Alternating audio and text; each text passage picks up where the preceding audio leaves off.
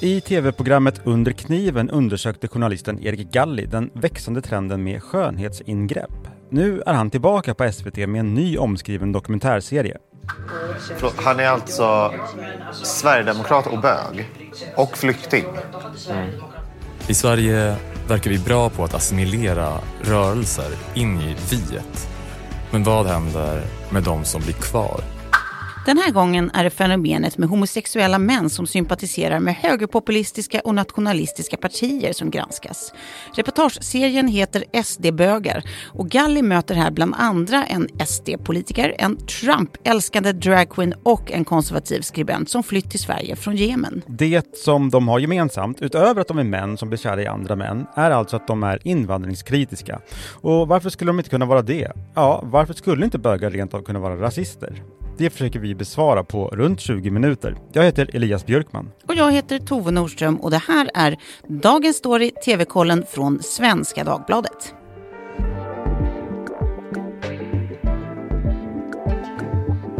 Ja, eh, vi, vi, kanske ska börja med Erik Galli då, mannen bakom programserien. Mm. Eh, varför då kanske du undrar? Ja, Eh, ja, det passar väl Ja, det passar väl. börja med. Ja, men det är ju alltid intressant att veta vem som berättar en historia för oss när det också just är en, en specifik person och inte bara en röst som, som driver historien framåt. Eh, och det är ju verkligen Erik Gallia här. Han, han, han är ju verkligen en ciceron som, som alltså, eh, vars person gör det möjligt att också komma väldigt nära de här personerna vi får träffa. Verkligen. Att- Han, är, han utgår från jaget mycket. Väldigt, själv alltså. precis. Och, och jag menar, ofta är det ju också så att det i sig, alltså vem det är som berättar det, kan förklara eh, ett slags varför också, varför det berättas. Eh, Erik är ju eh, en öppet homosexuell journalist och tv-producent som har skrivit för inte minst Svenska Dagbladet. Just det. Ja, och så har han producerat eh, program på SVT eh, och där har han även då agerat reporter. Förra året då fick han en Kristall, det vill säga svensk eh, tv-världs motsvarighet till typ en Emmy, kan man säga det? Man kan säga det, men det är inte... Men det är inte rätt? det är inte, Han fick inte, ett tv-pris helt inte enkelt. kanske riktigt lika... Fancy. Men det är det finaste vi har. Ja, i Sverige är. Så det är ju en, Emmy, en svensk Emmy. Ja, exakt. Du rätt. Eh, och det fick han ju för det här tidigare nämnda programmet Under kniven. Och Mm. nu så är han alltså tillbaka med programserien SD-bögar som vi pratar om idag. Och det är på SVT båda, eller hur? Precis, Ja. båda är på SVT. I den här programserien får vi ju, precis som vi sa där i introt, eh, vi får träffa ett antal män med eh, nationalistiska och högerblivna värderingar. Och även om Erik eh, aldrig, vad jag kan minnas nu, eh, uttryckligen säger vad han själv står politiskt, så får man ju anta att han är mer liberal än just högervriden. Eh, det är hur som helst det intrycket man får. Men med det sagt då, det här med homonationalism, vad tusan är det egentligen Elias? Ja, precis. Det är ett begrepp som nämns i programmet Mm. och i programtexter och det har blivit ganska omskrivet de senaste åren, senaste fem åren kanske ungefär. Det är väl lite förenklat ett begrepp för hur liksom nationalistiska och högerextrema, högerpopulistiska partier eller och grupperingar Mm. tagit ställning eh, för hbtq-rättigheter. Och det här är liksom i förhållande till flyktingar eller invandrare eller ofta så i förhållande till muslimska grupper som man Mm. pekar på eh, är intoleranta mot till exempel samkönade par. Mm. Alltså att det är någonting som har ökat i samhället menar man kanske då i och med, den, eh, i och med invandringen Mm. eller i och med hur, ja, islam eh, sprids eller liknande. Mm. Så det är väl det som homonationalism har blivit, alltså eh, grupper eller personer som, som är homosexuella och som liksom dras till den här högerextrema mm, sidan, men Mm. inte högerextrema, men höger, Högervridna. högervridna. Mm. Men, eh, och så där det finns tydliga liksom, det kan ju vara att man känner en att det finns en hotbild mot sig, att, eh, Mm. för det, det är klart att det är ett problem. Det är ett Mm. allvarligt problem i världen med, med liksom att man inte får eh, uttrycka sin kärlek öppet i alla länder. Precis. Men här finns det då en tydligt definierad fiende och det är Ja, de eh, främmande så att säga. Den, Ja, den importerade eh, delen av befolkningen. och eh, en vanlig tolkning som jag tycker är ganska rimlig, det är att högerpopulisterna utnyttjar det här, detta för sina egna syften, inte för att man brinner för hbtq-rättigheter. Det fick det också tas upp i programmet, för där nämns ju bland annat att just SD är ju ett av de partier som eh, liksom oftast röstar emot så, sånt som skulle kunna stärka hbtq-personers rättigheter. Mm. Och inte minst på EU-nivå så är Inte deras nivå. största samarbetsparti är ju det polska parti som också har instiftat x antal eh, hbtq-fria zoner i Polen. Alltså, eh, det låter som en ren fantasi eh, från 50-talet. Men det här är eh, sanning tyvärr. Ja, och det, det kan vi höra på hur det låter i programmet så här. Den polska Lag och rättvisa är väl er största samarbetspartner? Ja, det är gruppens största eh, medlem. Och de har ju liksom de här hbtq-fria zonerna i Polen. Hur känns det att sitta i samma grupp som dem? Även om polackerna röstar så och vi röstar så, så, så spelar det inte så stor roll. Det är bara det att det är negativt för oss i Sverige att vi får den bilden att ja, men ni sitter med homofober, ni sitter med abortmotståndare, bla bla bla. Och där hör vi ju hur SD-politikern eh, som heter eh, Nissinen, va? Mm. Han svarar inte direkt på frågan. Han, han börjar prata om något annat, att de röstar inte som de gör ändå. Mm. De röstar ändå inte liknande. Varför sitter de i samma partigrupp Mm. eh, i EU då? Ja, det, det är klart problematiskt. Och det är ju ganska genomgående för den här då, eh, Nissinen som just är homosexuell öppet och eh, en eh, SD-politiker. Mm. Eh, att han, när, när det blir lite brännande i eh, hur hans eh, parti agerar eh, och hur det lirar med vem han är som person så, så blir han ganska undflyende. Ja, det är jättesvårt för honom att sitta och försvara, såklart. För att Mm. SDs eh, hbtq-politik är vad den är. Mm. Men Hur har folk reagerat då? För rea- Ja. reagerat har, har man. Ja, det har man. Jo, i, i, i SvD eh, skrev Jack Werner Mm. att eh, många scener är roliga, andra är gripande och vissa är absurda. Pekar också på att den politiska splittringen i hbtq-rörelsen är inte ny. Här kan man ju inflika att SD, i alla fall sedan 2010, menar att man är ett parti för hbtq-personer. Så att mm, det är ju det som en del har återkommit till, att Erik Gallis uppvaknande kommer lite konstigt sent, att han Mm. upptäckte det här först nu. Och i DN så skriver Jakob Lundström, hur ska man vara icke-hetero för att bli accepterad av SD? Jo, inte för mycket, som Nissinen sammanfattar i en utläggning om Pride. Precis. Eh, det är okej att vara gay så länge du är det på rätt sätt. Ja, Du, behö- du behöver bete dig ganska Ja. hetero, då är det okej att du är homo. precis. Mm. Eh, och i Expressen, då noterar Anna Hellgren att Galli utgår från att tittaren är en idiot. Oj, oj, oj. Det här, men här har jag faktiskt en åsikt. Eh, jag, tycker att den här lite raljanta texten Anna Hellsten skrev i Expressen. Hel- Hellgren. Eh, eh, förlåt, Helgen, gud vad det kändes som jag gjorde den med flitmästring här nu, att jag bara ville jävlas tillbaka. Det gjorde jag inte. Anna Hellgrens text, ehm, ja, men alltså, hon pratar ju just om att det egentligen är redan allmän kännedom att, att bögar också röstar SD. Eh, och jag, kan tycka att det här är lite snudd på intellektuell snobbism. Jag tror faktiskt precis eh, tvärtom att serien alls gjordes för att de flesta av oss eh, inte har hört talas om homonationalism. Eh, det må ha funnits, men det är inte samma sak som att vetskapen om dem har varit bred. Eh, så att, så att, mm, jag vet inte om jag håller med. Jag, tyck, jag tycker att vi, då, pratar vi om en liksom liten klick eh, intellektuell grädda. Hon skriver vidare då att bögar och lesbiska och transpersoner kommer som bekant i alla storlekar och sorter. Hon är då inne på den här frågeställningen som ju är då varför skulle inte en homosexuell person kunna rösta på eh, SD eller ett högerextremt parti? Precis, varför det är något att lyfta på ögonbrynen åt. Det man reagerar på, att det kan ju låta lite som ett oxymoron det där, att man är en del av hbtqi plus-rörelsen. Säger man så fortfarande? Eller säger man bara hbtq-rörelsen? Jag vet faktiskt inte. Nej, det är oklart. Eh, Så jag ber på ursäkt på förhand om jag, om jag säger det fel. Men alltså just det där att vara en del av den rörelsen och ändå sympatisera med partier som har eh, konservativa och invandringskritiska värdegrunder och inte minst då eh, kanske homofientliga eh, direkt eller indirekt eh, eh, ställningstaganden. Eh, det, det låter ju som en krock. Alltså kampen om inkludering och frihet och fördomsfrihet och den då konservativa låt oss säga främlingsskeptiska åsiktsfalangen. Det känns lite som att vara, men typ att vara djurgårdare och så betalar jag medlemsavgift till Bayern. Eller?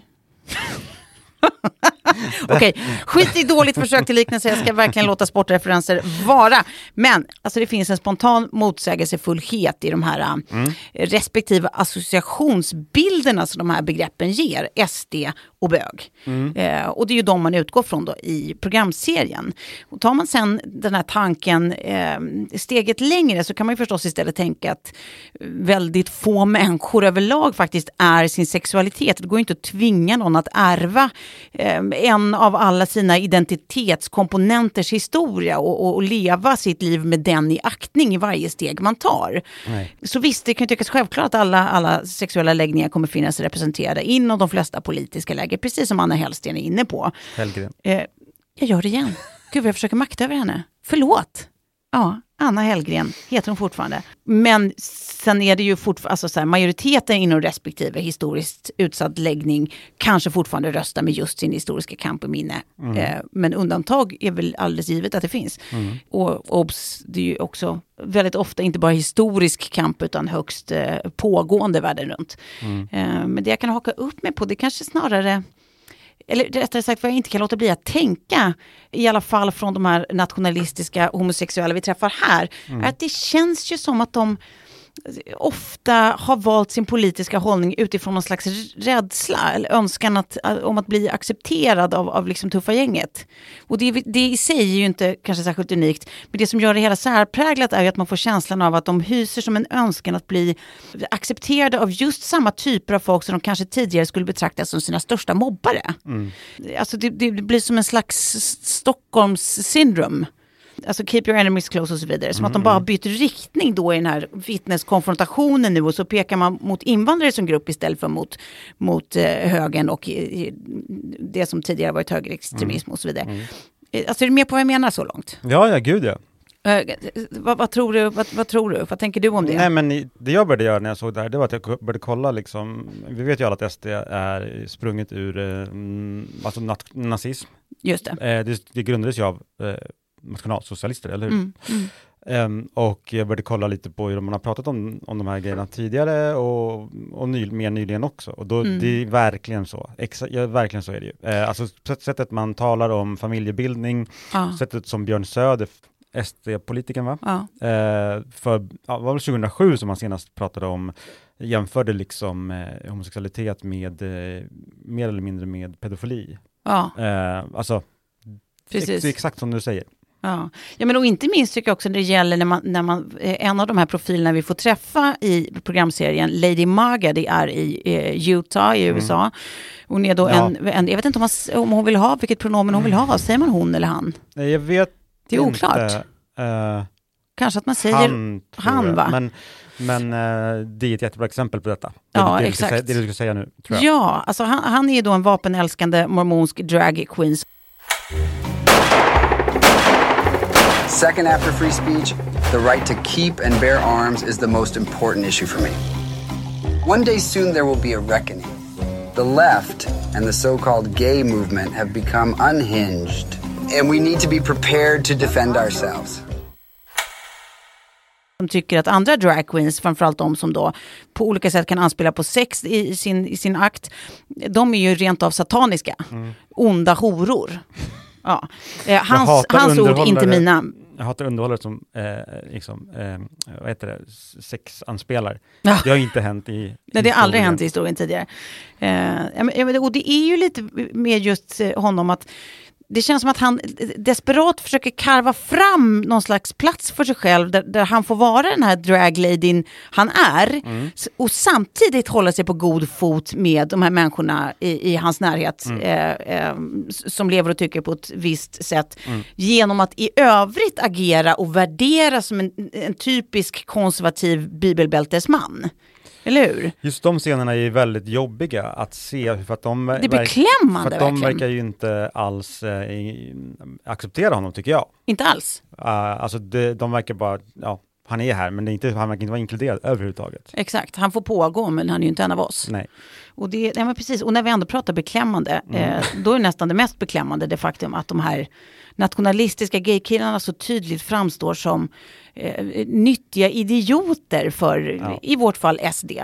Eh, de, är liksom, de är ju som ett S i rockärmen att plocka fram när man behöver då alibin, politiska alibin eller man vill göra symboliska poänger kring hur de såklart inte kan beskyllas för intolerans. De har ju de här medlemmarna i leden. Mm. Eh, och, De är verkligen. Ja, och det, det, alltså, det blir ju så tydligt så eftersom politiken som förs av, återigen i det här fallet SD, eh, verkligen inte eh, inkludera dem eller gynna dem överhuvudtaget, det vill säga de här homosexuella medlemmarna. Nej, det blir ju grovt när man sitter och, och, och kollar bort eller liksom eh, inte svarar på frågorna om just SDs faktiska politik. Precis. Eh, och det jä- jag tror verkligen som du säger att det man blir en sån eh, nyttig idiot, tyvärr. ja, Ehm, och, eh, men om jag bara får återvända till det som du, du eh, inte höll med om, men jag håller ju med om att frågeställningen är problematisk för att det är lite för enkelt och lite för grunt, tycker jag. Okej. Jag tycker att, jag tycker att Galli går in med en lite märklig inställning och jag, som vi hör här i ett, i ett klipp från Morgonstudion din identitet, kring, kring gemenskapen i hbtq-rörelsen. Vad, vad, vad tänker du efter det här jobbet? Ja, men dels har jag liksom tänkt mycket på... Det här är liksom egentligen inte, jag tycker inte att det här är ett program som handlar om bögar Nej. egentligen. Utan det handlar om Sverige. Alltså, om inte ens bögarna kan hålla ihop, vad säger det om liksom resten av svenskarna? Så här, det vore förmätet och korkat av mig som heterosexuell man att ifrågasätta samhörigheten och gemenskapen hos olika grupperingar. Mm. Och historiskt har ju homosexuella personer tvingats föra en gemensam kamp på många sätt, där, där man har in, ingått för att få till stånd liksom grundläggande rättigheter ens. Alltså, Men tiderna har förändrats, är, är din poäng då? Att, eh, alltså, den kampen är inte över, men, men, men, eh, men, för människor hotas, misshandlas och liksom man mördas på grund av Ja, vem man blir kär i. mm. Och det är ju fort- fortfarande helt sinnessjukt att det ska vara så, såklart. Men det vore också förmätet att tro att bara för att man är homosexuell så skulle man rösta på ett visst sätt. Alltså, det är Ja. ju personer som tänker och tycker, Ja. kommer från olika bakgrunder och ja, de måste, man måste kunna vara fri att ha olika politisk ställning såklart, oavsett. Precis. Men, men det där är ju, ja, eller inte precis, jag vet inte om jag, ja, jag återkommer till det. Men, men det där är ju liksom också en lyx man åtnjuter om man lever i ett tillräckligt öppet och liberalt samhälle. Ja. Alltså som svensk så kan man Ja. åtnjuta lyxen av att Gud ja. eh, verkligen inte eh, lira med sin, sin historia och bakgrund på något vis. För att, eh, det, Nej, man är inte skyldig det på något sätt. Eh, som jag tycker kanske Galle är inne lite på här, vad har Mm. hänt med, liksom, jag vet inte om det är någon sorts en sån sammanhållen grupp. Det, jag tycker det låter märkligt att det skulle kunna vara, att det, att det ens skulle kunna varit det, men Ja, men det, har ju, det har ju varit en tydlig sammanhållen community. Det tycker jag det verkar finnas oerhörda mängder vittnesmål om. Mm. Men det tror jag också är eh, liksom, på andra sidan millenniet, liksom, som, som ja. den var Jo. så tydlig och Jo, stark. Liksom. Visst, verkligen. Mm. Men jag tycker, eh, jag tycker att eh, bara om man ska landa i någonting, så tycker jag att Erik Galle, han är, han är skicklig på många sätt. Han är liksom, eh, han kommer ju de här personerna nära, som, viss, Mm. som många noterat också, som du också var inne på. Eh, han är ganska, han anlägger ju med flit lite så naiv, naiv eh, li- Mm. liksom, blick på mycket. Men det, är också, det gör ju att han kommer nära de här intervjupersonerna tror jag. Mm. Och att den här SD-politikern framförallt öppnar sig så mycket, det, det tror jag, det är jätteskickligt gjort. Gud Alltså, ja. för det tror inte att jag, det, ja, någon annan skulle ha klarat riktigt på det sättet. Mm. Men jag tycker att det blir lite, jag tycker att det blir lite förenklat alltihopa. Då är det formatet som jag tycker är kanske mest problematiskt. Det här med att man går runt och, man går runt och provtänker lite, man blir lite filmad när man åker lite Voi eller spark, elsparkcykel eller vad det nu är. Eh, Alltså det hade, tankestoffet hade kanske räckt i 60 minuter. Jag tycker att det kanske är lite långt med 3 gånger 40 minuter och det är väldigt Mm. spretigt tycker jag. Jag, jag, jag hör vad du säger och jag förstår det, men jag kan också tycka att det finns ett självändamål. Så här, I våra tider när, när vi är så oerhört allergiska mot att någon ska tala om för oss hur saker är, någon ska trycka åsikter ner i halsen på oss eh, och så vidare. Då tycker jag att det också finns ett självändamål med att ha ett så här öppet grepp. Att just tänka högt, presentera saker för hur de ser ut.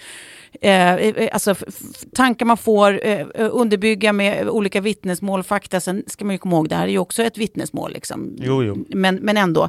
Eh, och sen låta folk bilda sig en uppfattning. Att, det, att ibland så handlar det inte om att leverera själv, alltså, tydliga slutsatser och svar, utan mer att lyfta en fråga och öka en medvetenhet kring frågan. Det här pågår också. Och det tycker jag att den här programserien gör. Alltså, även om den är lite fladdrig och, och som sagt kanske inte nödvändigtvis landar i några tydliga slutsatser, så tycker jag att den är både intressant och viktig. Eh, och därför också absolut sevärd. Jag köper det. Så så är det med det. Med det sagt ska vi är glida över... också nyfiken på var det här nakenberget ligger. Nej men gud ja.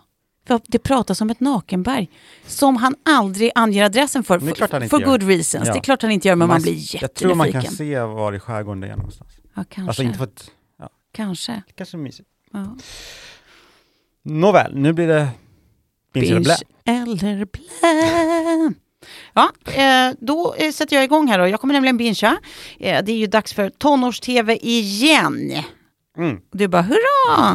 eh, nej men jag har ju tidigare glatt mig åt sånt där som jag och min eh, 11-åring kan se ihop utan att jag får akut klåda, vilket ju ofta är fallet. Alltså- The Idol tyckte ni om tillsammans. Ja, exakt. Oh, gud vad fruktansvärt. Mycket att förklara efter det. eh, nej, men, men Netflix har ju då eh, sen gammalt eh, den här feelgood-serien Never Have I Ever om eh, tonåriga Devi. Mm. En eh, indisk-amerikansk eh, ungdom eh, som ja, lever, lever på sitt high school-liv. Liksom, där eh, kärlek och fest och skolor och, och familjer och vänner och allt det där. Eh, de vanliga problemen Mm. är liksom det centrala. Eh, och den är otippat rolig och fin och smart, tycker jag. Så det här är mitt absoluta nöje att få berätta för er idag att nu finns äntligen en fjärde säsong, alldeles purfärsk i tablån. Så grattis alla! Kul! Då Mm. inser jag att det blir barntema idag, för jag tänkte bingea.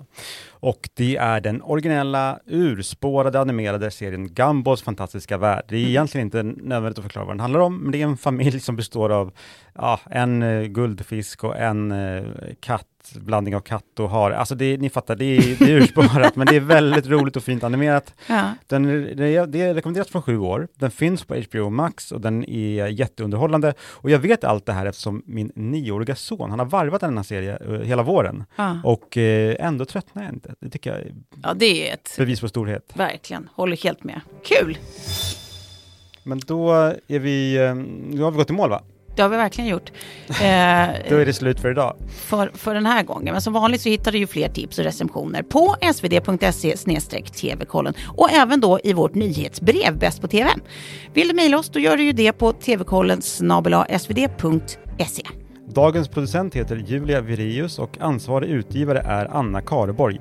Klippen du hört kommer från SD-bögar på SVT Play samt Morgonstudion på SVT Play.